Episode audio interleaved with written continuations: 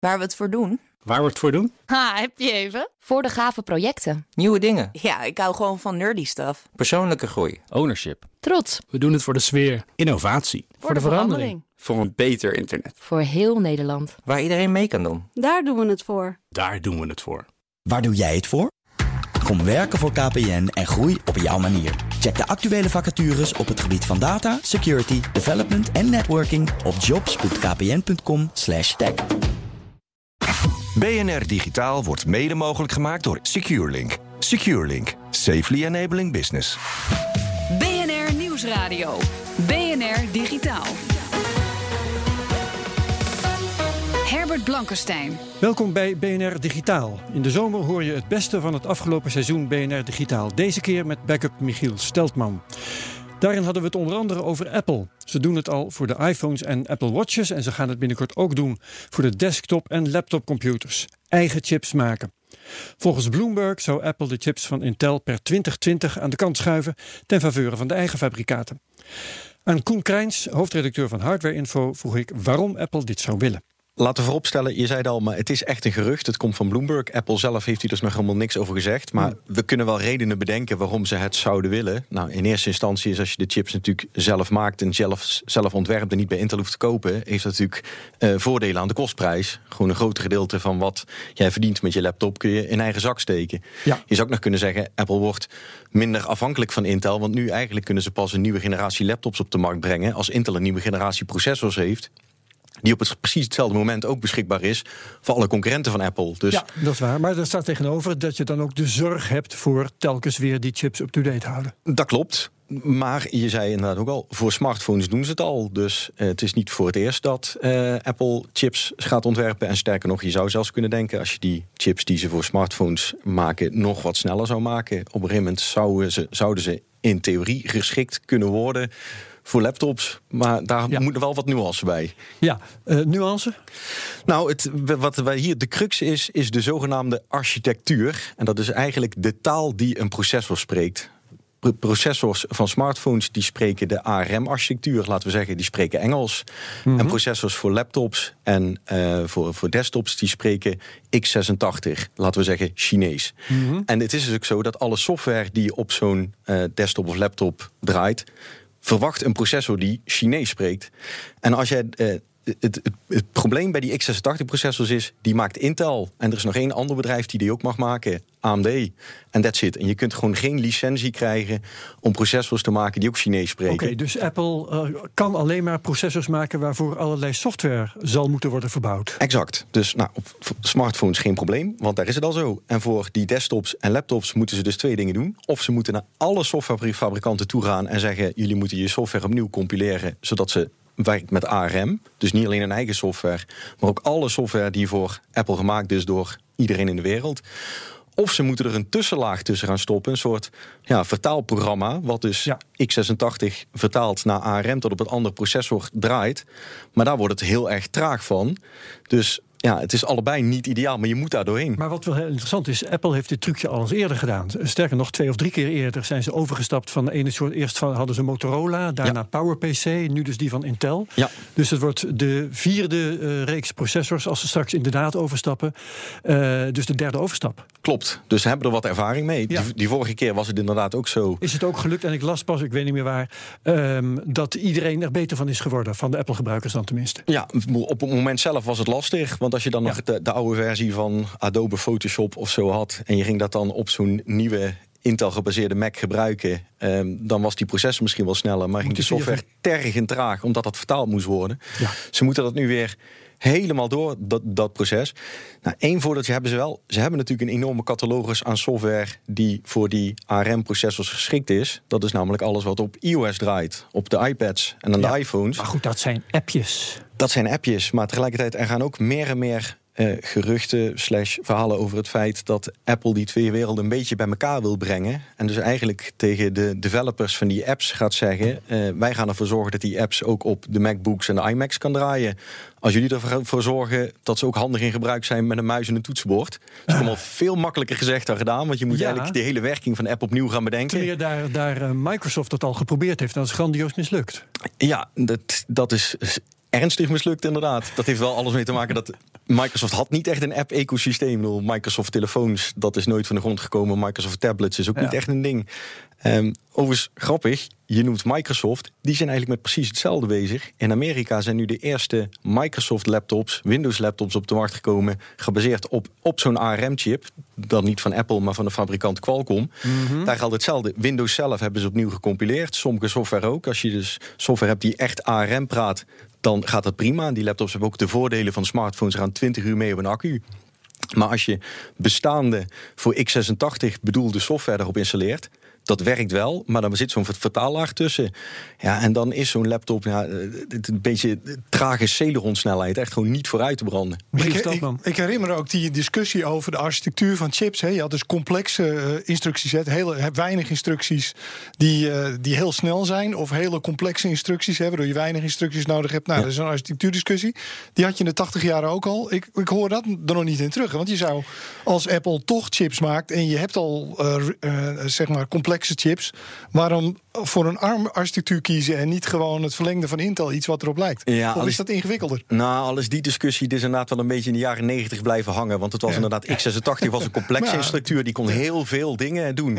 En ARM en andere architecturen waren zogenaamd RISC, konden maar een paar instructies. Maar onderliggend zijn x86-processors eigenlijk tegenwoordig ook meer RISC. Dus je stopt daar heel complexe instructies in, die worden allemaal opgehakt naar simpelere dingen en dat voeren ze uit. Dus die discussie die is een beetje voorbij. Maar het blijft gewoon twee compleet verschillende talen. Het is echt zoals ik zeg, of je spreekt Engels of je spreekt Chinees. Dat, dat, het lijkt niet op elkaar. Maar zo'n tussenlaag is natuurlijk toch ook een beetje gedoe. En het, het, past al denk ik in de, in de filosofie van Apple in zijn algemeenheid... om zijn eigen wereld te creëren. Gewoon een eigen universum met eigen technologieën... waar je aan meedoet of niet aan meedoet. Niet van dat je iets maakt op Intel... zodat je het ergens anders eh, lekker makkelijk ook nog kan gebruiken. Dat klopt. En van de ene kant kun je zeggen... Apple-gebruikers zijn ook heel erg volgzaam. Als Apple zegt van we bedenken wat nieuws... Uh, al is het bedenken ze een nieuw stekkertje... dan zegt de Apple-liefhebber van oké, we gaan mee. Tegelijkertijd moeten we ook wel concluderen... Een heel groot gedeelte van de Apple-gebruikers zijn juist veel eisende mensen qua prestaties. Dat zijn de grafisch vormgevers, dat zijn ja, videobewerking, dat soort werk. Dat zijn mensen die, waarvoor er eigenlijk nooit snelheid genoeg is. Dus daarvoor moeten ze wel echt een oplossing hebben. Al die software moet wel echt gewoon goed geschreven gaan worden. En de vraag is dan ook nog maar, laten we niet vergeten, ARM is een architectuur, het komt uit de smartphone-wereld. Het gaat steeds sneller. Als je kijkt wat de prestaties van zo'n nieuwste generatie Apple A11 is, dat is veel beter dan jaren terug. Maar dat is nog lang niet op het niveau wat een high-end Intel Core i7 doet. Dus daar moet echt nog wel een paar jaar qua iteratie overheen voordat het überhaupt dat prestatieniveau heeft. Nog even over Intel, uh, want eh, de koers van Intel daalde geloof ik met uh, 1 of 2 procent uh, op deze geruchten hè, van Bloomberg. Ja, volgens mij zelfs nog wel wat meer, ja. Nog wel wat meer, ja. daar heb ik niet lang genoeg gekeken. Maar um, is dit inderdaad ernstig voor Intel? Apple schijnt zo'n 5% van hun business te zijn. Dus, dus ja, en um, wat ook nog eens zou kunnen, is dat Apple dit misschien nog helemaal niet op korte termijn van plan is. Of, of pas op veel, veel langere uh, termijn. Maar dat het eigenlijk gewoon een onderhandelingsspelletje is. Laat dit uitlekken. En bij de eerste onderhandeling met Intel over de prijzen van processors uh, staan ze 1-0 voor. Of, of, hebben ze dit besluit genomen toen uh, Meltdown en Spectre ineens uitkwamen? Dat ze dachten, nou, dat willen we nooit meer. Ja, al hadden ARM-chips er ook last van. Maar het zou zomaar kunnen. Goed zo. Dat was Koen Krijns, hoofdredacteur van Hardware Info. BNR Nieuwsradio. BNR Digitaal. Het was een regelrechte hit begin deze eeuw. Robothond Aibo van Sony. In 2006 draaide het Japanse bedrijf de productie van dit product de nek om. Maar nu is de Aibo terug. Redacteur Ivan Verrips bekeek de filmpjes van de internationale techmedia. Dit oldschool muziekje zat achter een van de reclames van de toenmalige Aibo. Toen een revolutie op het gebied van thuisrobots. En nu, ja, misschien nog steeds wel. Een tijdje geleden kondigde Sony aan dat Aibo terug zou komen. Dat klonk toen zo.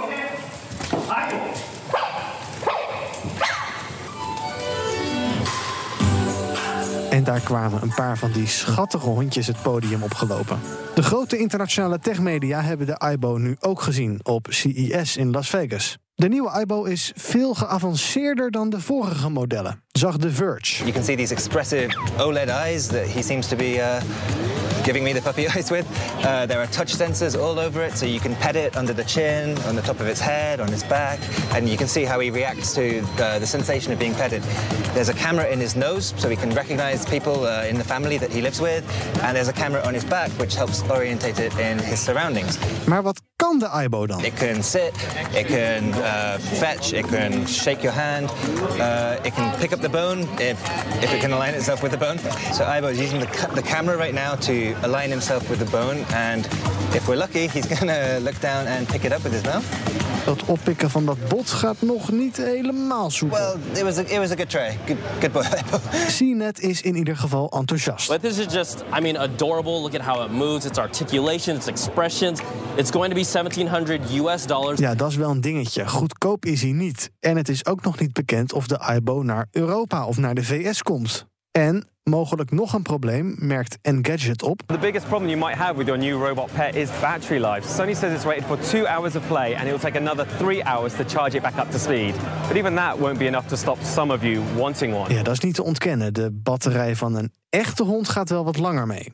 En trouwens, als je denkt dat een robothond een gek idee is... The idea of a robot pet may seem strange. In Japan, like there was a huge, huge community of Aibo uh, owners who got really upset when uh, support for the line ended. Uh, there's no longer technical support for Aibo in Japan, and some people have even gone as far as to give funerals for their dogs. So this is the kind of thing that uh, people really do feel a bond with, and the technological advances are actually going to improve that kind of bond.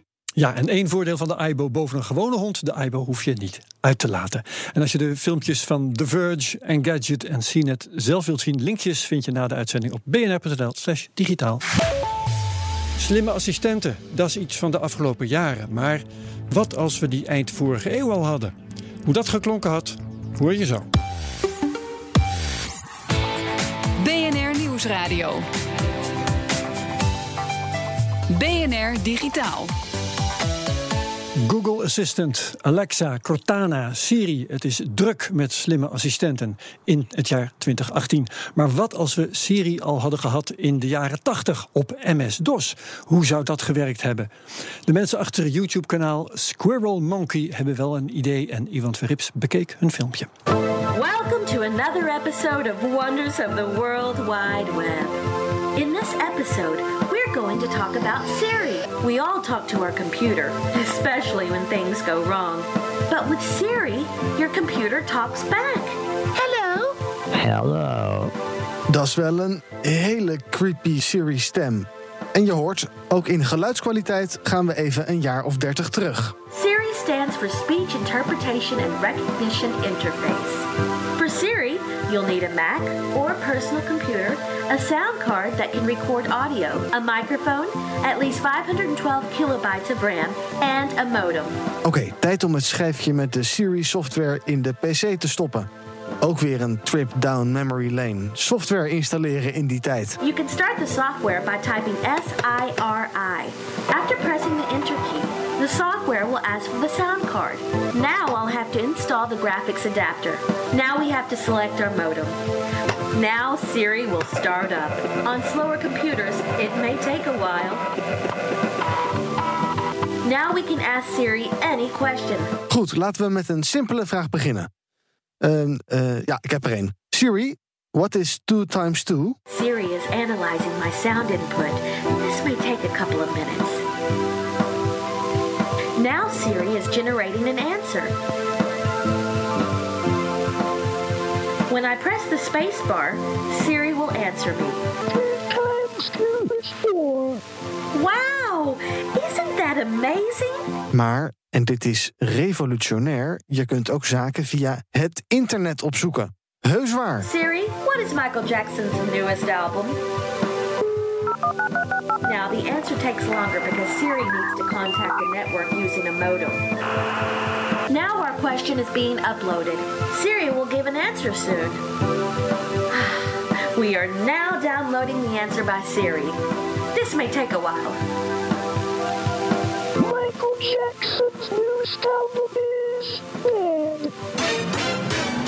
Bad dus. Maar ja, je hoort het, de stem van Siri is nog niet zo goed ontwikkeld. Maar goed, dat wordt vast snel beter in een nieuwe versie. Misschien al wel in de jaren 90. Ja, en je moet het ook echt even zien. Allemaal van die klassieke progress bars en zo. Het is echt heel erg leuk gemaakt. Door de Nederlander Jo Luiten, overigens. Een link naar het filmpje en andere afleveringen uit de Wonders of the World Wide Web serie. Die vind je op bnr.nl slash digitaal. BNR Nieuwsradio. Herbert Blankenstein.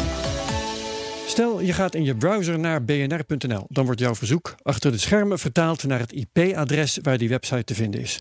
Dat gaat via het Domain Name System, DNS. De DNS-server staat doorgaans bij je internetprovider, maar je kunt ook gebruik maken van een DNS-server van een derde partij. Bijvoorbeeld van Google, van OpenDNS of van Cloudflare. Die laatstgenoemde Cloudflare heeft een dienst gelanceerd die ook nog eens een stuk privacyvriendelijker zou zijn dan de andere DNS-servers. Bert Hubert is een van de oprichters van PowerDNS, open source software die door veel ISP's in Nederland wordt gebruikt. Ik vroeg hem wat de risico's van dit soort servers zijn. Nou, je moet zo zien, um, alles wat je doet op internet leidt tot een DNS-verzoek. Dus als jij het internet gebruikt, gaat er gemiddeld één DNS-verzoek per seconde de deur uit. Gemiddeld over een hele dag is dat één per vijf seconden. En dat is een van de laatste stukjes internet die nog niet gecodeerd zijn. Dus als je iemand DNS-verkeer. gecodeerd? Nou, nog niet uh, encrypted. Oh, ja, ja, ja, encrypted. Dus, dus je kunt gewoon lezen. Dus als je een kopie hebt van iemands DNS-verkeer, dan weet je precies wie die is. Wat zijn hobby's zijn, welke websites die kijkt, uh, welke websites die s'avonds kijkt voor het slapen gaan. Het is de beste manier of de meest vreselijke manier per bit eigenlijk om iemand in kaart te brengen. Nou is het zo dat in Amerika uh, internetproviders dit soort data mogen verzamelen en verkopen van hun eigen klanten. Ja. Uh, in Nederland mag dat toch niet? Nee, zijn wij toch dat, veilig? In Nederland zijn wij daar heel veilig in. In Amerika begint het echt ridicule vormen aan te nemen. Ja. Dus daar wordt je internetverkeer zo goed verkocht dat je s ochtends naar een BMW kijkt op je telefoon. En uh, smiddags begint je televisie al uh, allemaal BMW-reclames te laten zien aan je. en, uh, en dat begint zelfs voor Amerikanen die wel wat gewend zijn op, op privacy violations, begint het zelfs voor Amerikanen creepy te worden. Um, hier in Europa speelt dit echt totaal niet. Nee, um, wat zijn dan redenen als die er zijn om zo'n alternatieve DNS-server te gebruiken? Dus je, die van je eigen provider in te wisselen voor nou, een van de andere die ik noemde, Cloudflare bijvoorbeeld? Ja, nou laat ik vanuit de, de grootste historische reden is geweest dat de meeste internetproviders jarenlang niet echt goed voor hun DNS gezorgd hebben. Wat betekent dat? Uh, dat betekent geruime tijd. En dat weten een heleboel mensen ook. Als het internet niet doet, oh, dan moet je je DNS veranderen in 8.8.8.8. Want mm -hmm. dan werkt het beter. Dat is de Google, dat is Google DNS. Ja, ja, mooi adres trouwens. Een heel mooi adres. En, uh, en een heleboel mensen die wisten dat. En dat was ook af en toe nodig, omdat de, de nameserver van de uh, service provider, bijvoorbeeld Ziggo, heeft er anderhalf jaar geleden drie dagen achter elkaar s'avonds uitgelegen met DNS. Dat was een hele grote story. En Jan en allemaal wisten toen van nou, dan gebruik je de Google DNS en dan werkt het wel. En dat is eerlijk gezegd in Nederland ook nou, bijna de enige valide reden om dat te doen, omdat de andere nameserver het niet doet. Michiel Steltman, jij bent van de infrastructuur. Dit moet jou aanspreken. Ja, zeker. DNS is natuurlijk uh, een van de, uh, samen met het routing systeem het internet, het meest vitale meest uh, essentiële systeem voor het, voor het internet. Ja, en over het algemeen, Nederlandse partijen passen daar heel goed op. er wordt ook gewerkt aan veiligheid, DNS-sec. Dus het beveiligen van DNS is inmiddels een, standaard geworden bij de overheid. Wordt gepusht en gepromoot in de sector. Dus het belang van DNS en de veiligheid van die data is een groot goed. En uh, ik weet vrij zeker dat de Nederlandse sector er uh, buitengewoon zorgvuldig mee omgaat.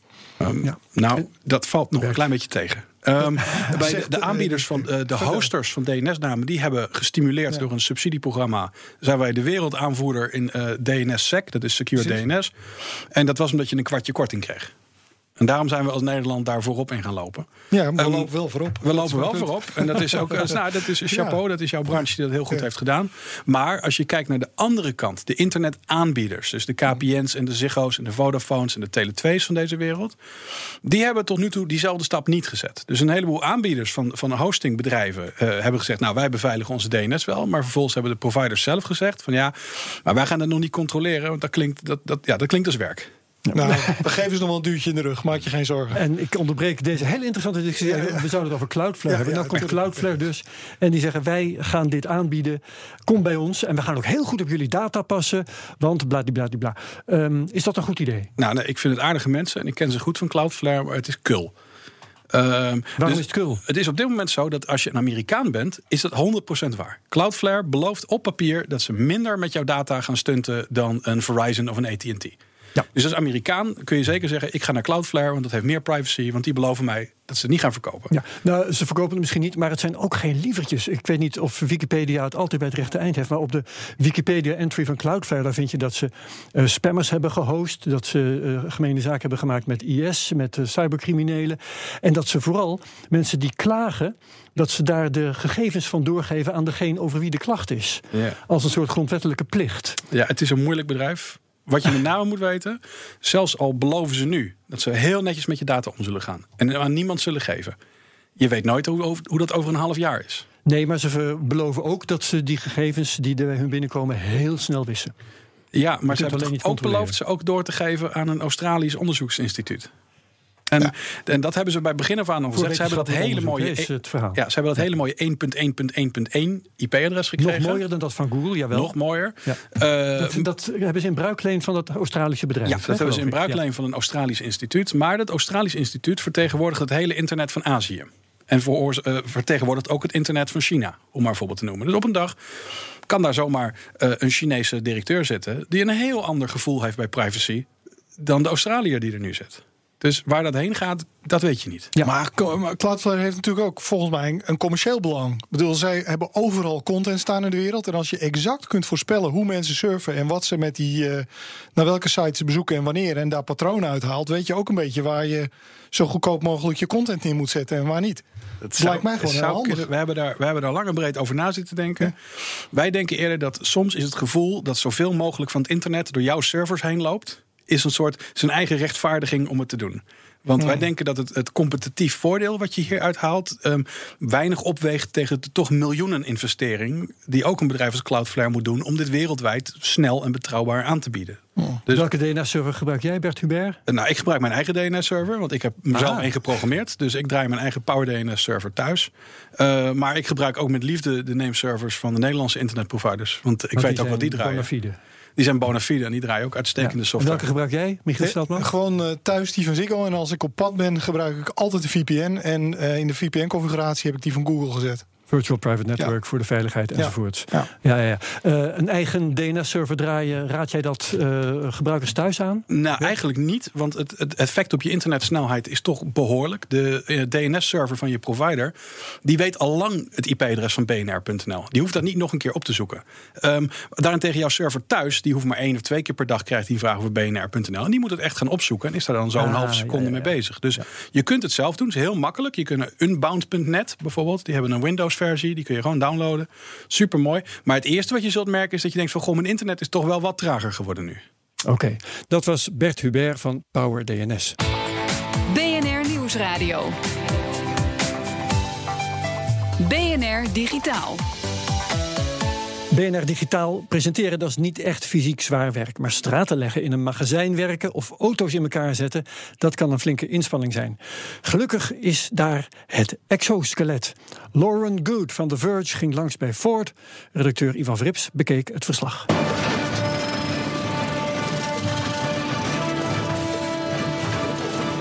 Exoskeletten. We kennen ze uit de natuur, uit de science fiction, uit hele slechte actiefilms. But that doesn't seem to be the future of exoskeletons. The future is modular, lightweight, and maybe even right in your workplace. Good is de gast bij Ford in Michigan. Daar werken 3500 mensen. One of those workers stands out. He's one of four people at Ford who have been testing an exoskeleton vest. Uh, my name is Paul Collins. I go by Woody. What I do most of the, the day is I work over my head. So how many times a day are you lifting your arms? Oh, I, that I couldn't tell you. I don't know. I lift my arms probably seven or eight times on each vehicle. So times that by 615. It's a lot. Paul gebruikt een exoskelet bij zijn werk. Als Paul zijn armen omhoog brengt, worden zijn spieren niet belast. As I come up here, as soon as I right now, right now, it's lifting my arms. So as I'm right now, my muscles aren't holding my arms up at all. It's all the vest. Het was wel even wennen werken met zo'n vest, maar it pays off. The energy level I have now versus what I had before is is 100% different. Now that when I go home at, at night, my, my wife says, let's go somewhere. I jump up, get in the shower. I have uh, more energy to do things around the house. My grandkids come over, I can play with them. Versus going home, plopping on the couch and feeling like you're dead until you got to go to sleep and get up and come and all, do it all over again the next day. Sympathiek hoor van Ford om je medewerkers zo'n skelet te geven. Maar het is niet alleen medemenselijkheid. Het moet ook zorgen voor minder lichamelijke klachten en dus uitval van mensen. If you look at the body parts that are still getting injured, it's predominantly the shoulder. That's our number one joint for injury. It's also the longest to return to full functionality and most costly, just because of the soft tissues in your shoulder. So we're really trying to prevent shoulder injuries in our assembly plant. Vertelt een technicus bij Ford, betrokken bij dit exoskelet. Ook Good probeert het exoskelet dat ongeveer 6500 dollar kost ze tilt een zwaar gereedschap op met het skelet aan. Yeah, it really doesn't feel like I'm carrying nine extra pounds. I think I felt worse after Thanksgiving dinner than I feel right now. That's probably 11 or 12 extra pounds if you eat like I do. Speak for yourself. Een verlichting dus voor zware beroepen. Wil je het hele filmpje van The Verge bekijken met meer voorbeelden, onder andere uit de medische wereld? Het is straks te vinden op bnr.nl/slash digitaal. Tot zover BNR Digitaal. Terugluisteren kan via de site, de app, iTunes of Spotify. Volgende week is er weer een nieuwe zomerse best-of aflevering van BNR Digitaal. Heel graag, tot dan. BNR Digitaal wordt mede mogelijk gemaakt door SecureLink. SecureLink, safely enabling business. Ook Diana Matroos vind je in de BNR-app. Ja, inderdaad. Je kunt live naar mij luisteren tijdens de Big Five. Ook handig in de BNR-app. Breaking nieuwsmeldingen, maar ook het allerlaatste zakelijke nieuws. En je vindt in de app alle BNR-podcasts, waaronder Wetenschap Vandaag. Download nu de gratis BNR-app en blijf scherp.